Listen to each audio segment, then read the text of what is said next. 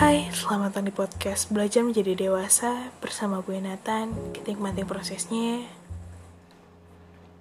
Halo semuanya, gimana kabarnya hari ini? Semoga kalian baik-baik aja. Semoga kalian banyak diberkahi dengan kebahagiaan. Semoga kalian sehat-sehat. Semoga kalian banyak hal baik yang datang ke hidup kalian gitu di hari ini. Gitu. Um, gue kayaknya bakal gue gini deh jujur gue mau minta maaf lagi nih. Ya ampun dari kemarin podcast gue awalnya minta maaf mulu ya. Kayak klarifikasi mulu nih podcast tapi beneran. Gue minta maaf kayaknya gue akan terus apa podcast tuh jarang-jarang gak sesering sebelumnya gitu. Palingan ya tiga minggu sekali dua minggu sekali tergantung dengan kondisi dan sikon yang gue lagi lakuin gitu sekarang ini. Begitu oke? okay? Gitu dulu ya awalnya. Dan sekarang kita akan ke topik yaitu seperti judul podcast ini yaitu quarter life crisis. Um, menurut gue ya quarter life crisis itu adalah sebuah proses pendewasaan yang paling penting dan menurut gue semua orang tuh pasti pernah merasakan dan pernah ada di posisi itu gitu loh. Maksudnya apa sih kak? Gitu. Quarter life crisis itu adalah perasaan di mana lo tuh bingung sama hidup lo lo bingung sama arah hidup lo tuh ke mana lo mulai cemas dengan segala hal yang lagi lo lakuin lo mulai ngerasa nggak seneng sama apa yang lo lakuin lo ngerasa ada yang salah sama hidup lo tapi lo gak tahu itu apa gitu.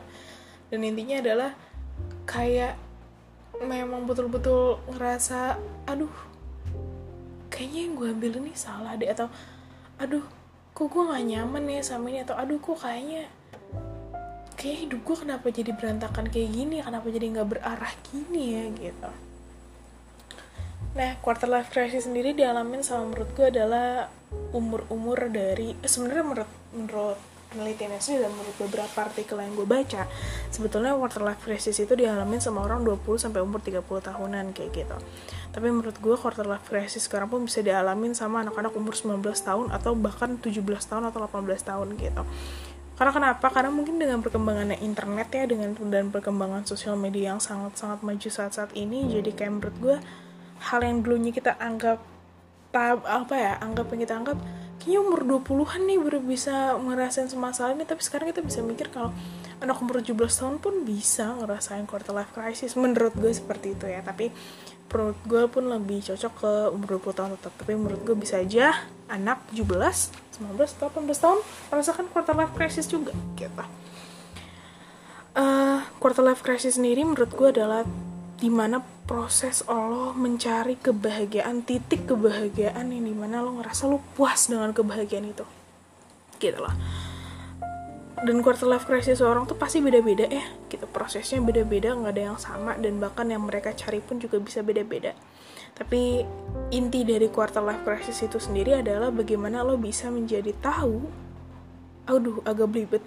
Intinya adalah di mana lo bisa tahu apa titik kebahagiaan lo apa titik yang bikin lo itu ngerasa nyaman sama hidup lo gitu. Gitu sih lebih tepatnya mencari kebahagiaan gitu. Um, di masa-masa quarter life crisis lo akan merasa jadi orang yang paling sensitif di segala situasi dan segala kondisi gitu.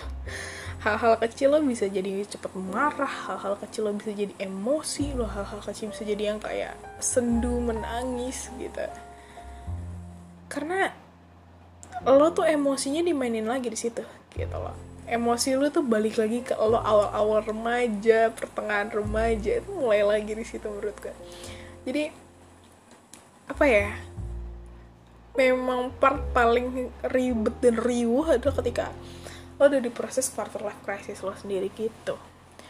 Ketika lo tidak mengenali kalau lo sedang ada di dalam quarter life crisis dan sudah melewati batas seharusnya lo akan meledak dengan sendirinya. Itu menurutku jadi kayak misalnya nih ya lo kerja kerja kerja dengan proses yang gak lo nikmatin dengan lo terlalu fokus sama kerja dan tidak menyeimbangi seluruh aspek dalam hidup lo tiba-tiba di ujung lo bekerja lagi kerja tiba-tiba lo meledak aja gitu. Jadi tiba-tiba yang kayak blank stress depressions and anything dan exhausting yang gak akan ada ada ujungnya gitu. Capek yang gak berujung gitu maksud gue. Dan jadi hustling banget dan jadi pusing dan rasanya tuh apa yang lo kerjain tuh jadi berantakan gitu. Jadi apa ya setiap orang tuh pasti merasakan quarter life crisis ketika mereka sudah bingung sebenarnya tuh mereka nih mau ke mana? Gue tuh gue nih mau ke mana?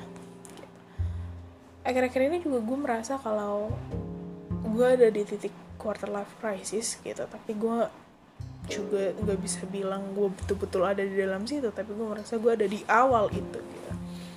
Di mana gue jadi meragukan segala sesuatu yang gue lakukan gue meragukan segala keputusan yang gue buat gitu dari dulu gue tuh tipe orang yang kalau gue buat keputusan kalaupun salah ya udah gitu. Gue tidak menyesali karena menurut gue keputusan yang pun gue ambil adalah keputusan yang salah itu adalah jadi pelajaran aja buat gue gitu. A simple things like that karena gue gak musingin masa lalu aja gitu.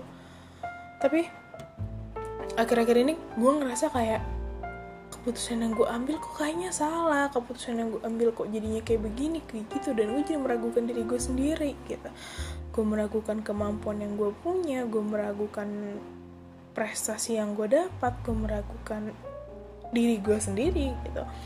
Dan gue jadi yang kayak ini tuh sebenarnya apa sih? Gitu. Gue tuh hidup buat apa sih? Gitu.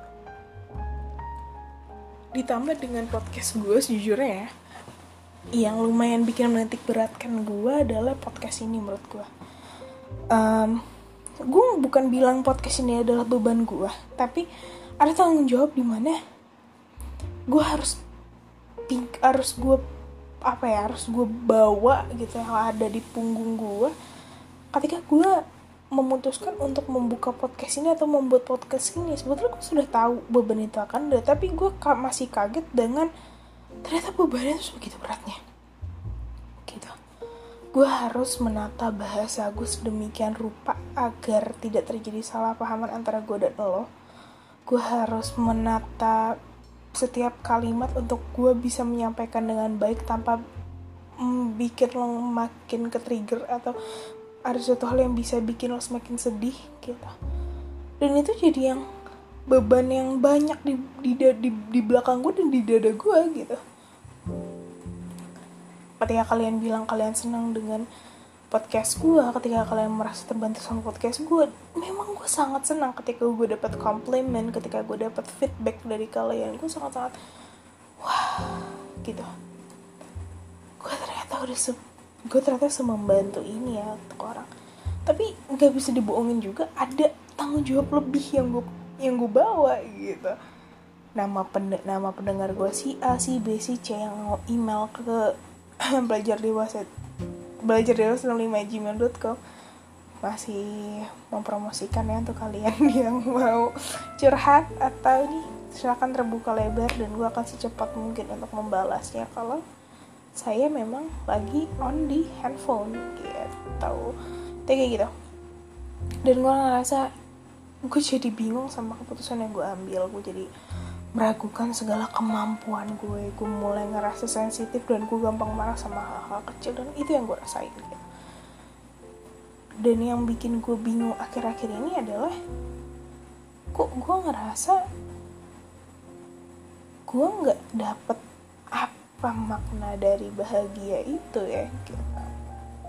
maksudnya apa sih gitu ya maksudnya gini gue memang punya hobi gitu gue hobi gue melukis hobi gue merajut hobi gue dan segala macam gue cobain segala hobi yang ada. Gue memang merasa bahagia ketika gue nonton ketika gue nonton film yang gue suka ketika gue melakukan kegiatan yang gue suka gue merasa bahagia ketika gue melakukan itu. Tapi setelah gue setelah gue selesai melakukan itu ya gue ngerasa sedih lagi gue ngerasa mellow lagi kayak gitu loh karena kebahagiaannya itu tuh bukan kebahagiaan yang oh whole happy gitu loh bukan kebahagiaan yang utuh gitu menurut gue. Kayak kebahagiaannya tuh hanya sementara karena kebahagiaannya itu hanya ketika gue melakukannya. Tapi ketika gue sudah tidak melakukannya gak ada yang membekas dari yang membekas di dalam sini gitu loh rasanya kayak gitu. Dan setelah gue cari beberapa case ketika gue mulai cari sebenarnya kondisi gue apa? Dan ternyata adalah gue ada di fase awal quarter life crisis walaupun gue juga tidak bisa betul-betul kayak oke okay, gue quarter life crisis fix. Not about kayak gitu bukan kayak gitu tapi gue merasa gue ada di quarter life crisis gitu. Beberapa orang keluar dari quarter life crisis ketika mereka menemukan kebahagiaan mereka sendiri ketika mereka menemukan apa yang membuat dirinya bahagia terlebih dahulu baru dia memutuskan untuk oke okay, gue udah keluar dari quarter life crisis sekarang gue fokus sama masalah percintaan gue. Ada juga orang yang dia di dalam quarter life crisis dan mendapatkan jalan keluarnya karena dia bersama pasangannya kita bersama pacarnya bersama orang yang disayangi dia yang cintai. Dan akhirnya mereka ternyata keluar dari jalan dari quarter life crisisnya dia itu adalah menikah dengan pasangannya mungkin. Atau as a simple things dia sama pacarnya itu dia menghabiskan waktunya sama pacarnya lebih banyak dan itu bikin dia bahagia untuk waktu jangka waktu yang lama gitu. Bisa juga ada orang kayak gitu. Tapi ada juga orang yang ngerasa kayaknya gue nih keluar dari quarter life crisis ini kalau misalnya gue mendapatkan kebahagiaan diri gue dulu makanya gue nggak mau dulu deh cari pasangan cari jodoh dan segala macem kayak gitu.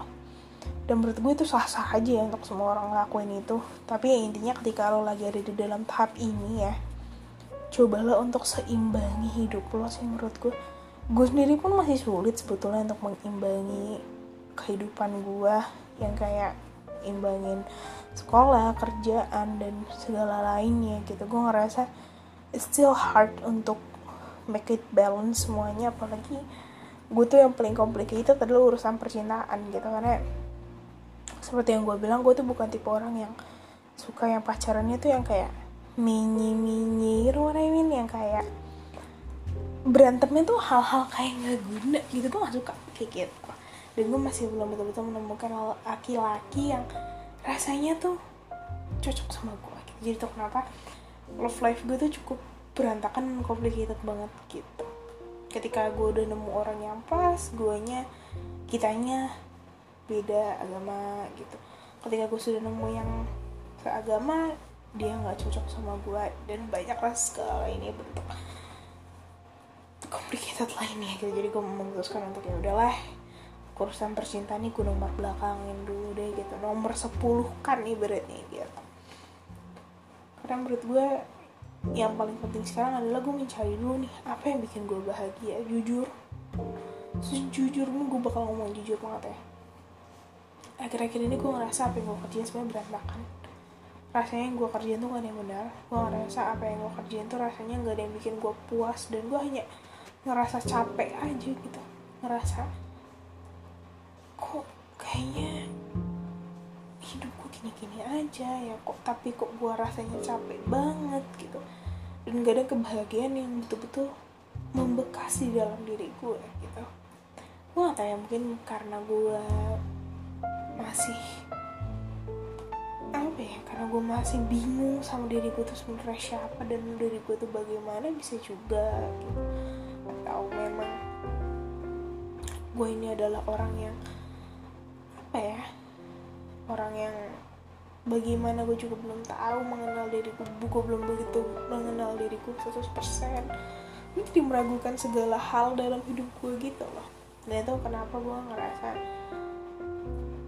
podcast ini tuh harus lahir gitu. Karena gue ngerasa pasti banyak dari kalian yang juga merasakan seperti itu dan kalian ngerasa kayak gue doang yang ngerasa gue ngerasa kayak gini kayak ABC jadi itu loh kenapa alasan gue akhirnya memutuskan untuk oke. Okay, gue bikin podcast ini walaupun gue belum betul-betul ngasih solusinya apa gitu. Menurut gue di setiap podcast gue adalah bukan mencari sebuah solusi tapi bagaimana caranya kita sama-sama saling memahami kondisi yang ada saling mencari solusinya bareng-bareng. Menurutku podcast gue ini setidaknya bikin lo ngerasa relate dan nyaman aja kayak rumah gitu gue tahu sebenarnya dari awal kalau proses pendewasaan itu bukanlah sesuatu hal yang mudah dan bukan sesuatu hal yang instan. Tapi gue nggak tahu akan seberat ini dan sesulit ini sebetulnya. Dengan apa ya dengan majunya semua sosial media dan teknologi yang kadang sosial media itu bisa ngerubah pola pikir lo dan bisa ngerubah setiap pandangan. Sorry gue mau bersihin tapi nggak jadi setiap ngerubah bisa ngerubah sudut pandang lo itu yang bikin gue takut gitu loh. Gue ngerasa kayak gue dihantuin sama banyak hal yang gak penting gitu tapi gue khawatir kan kayak misalkan contoh sebetulnya tuh gue nih harus seperti orangnya seperti apa sih gitu. Gue harus baiknya tuh sama siapa sih? Gue harus seperti apa sih kalau ada kejadian kayak A B C D? Gue jadi kayak bingung karena banyaknya sudut pandang yang ada di internet yang bisa mempengaruhi kita gitu. Itu kenapa gue akhir-akhir ini ya dan sudah gue bilang juga sebelumnya gue sangat-sangat mengurangi sosial media karena jujur capek untuk dibohongin gitu capek untuk kita dimanipulasi jadi gue lebih baik untuk step back dan yaudah ngelakuin apa yang real aja di depan mata gue gitu.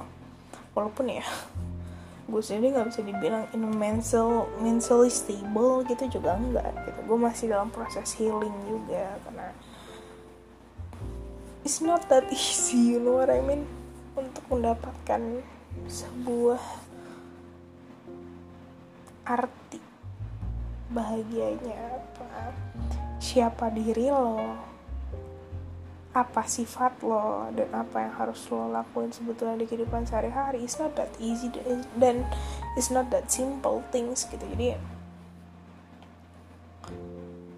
mungkin saat kita kecil gitu ya kita ngerasa kita pengen cepet-cepet dewasa karena kita pengen melakukan banyak segala hal. Tapi kita ketika kita dewasa kita jadi mikir untuk melakukan semua hal itu paham gak sih? Jadi ada kayak batasan di mana kalau gue ngelakuin ini tuh pantas gak sih? Kalau gue ngelakuin ini apa sih yang akan terjadi selanjutnya? Dan banyak lagi pikiran-pikiran yang menurut kita saat kecil tuh kayak lah bisa juga lu kepikiran kayak gitu.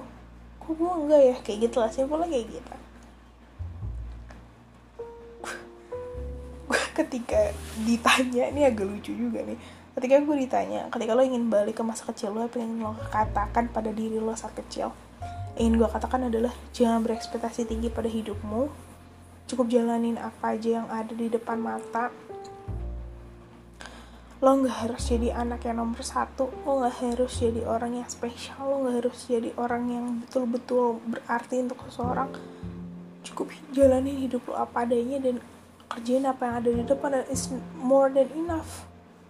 Gue pengen ngomong itu ke diri gue saat gue masih kecil dan menanamkan itu pada diri gue ketika lo sudah dewasa it's not that easy untuk nanamin itu ke dalam diri lo sendiri gitu. Karena kan ibaratnya lo sudah bisa berpikir logika dan sudah bisa berpikir A B C D ya tapi ketika lo kecil kan ya kalau dikasih kayak gitu doktrin terus terusan kan akhirnya ya udah. Kayak gitu pola pikir lo kayak gitu loh. Tapi ketika lo dewasa dan lo coba didoktrin kayak gitu ya nggak akan sesimpan dan nggak akan semudah pas saat lo kecil kan kayak gitu. Gue ngerasa juga pertemanan gue ketika gue sedang ada di dalam proses ini pertemanan gue jadi semakin sempit. Pertemanan gue mulai mulai kacau karena gue nggak bisa megang semuanya kan.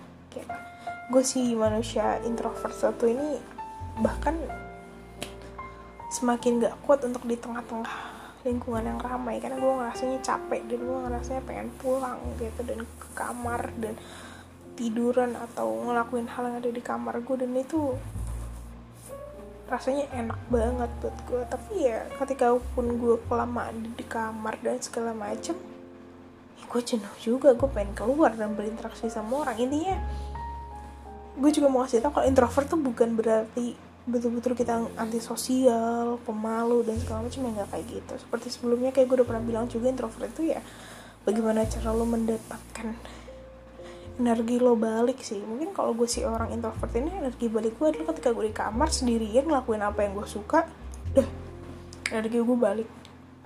Itu kalau orang ekstrovert energi dia balik ketika dia kumpul sama teman-temannya dan segala macam kayak gitu.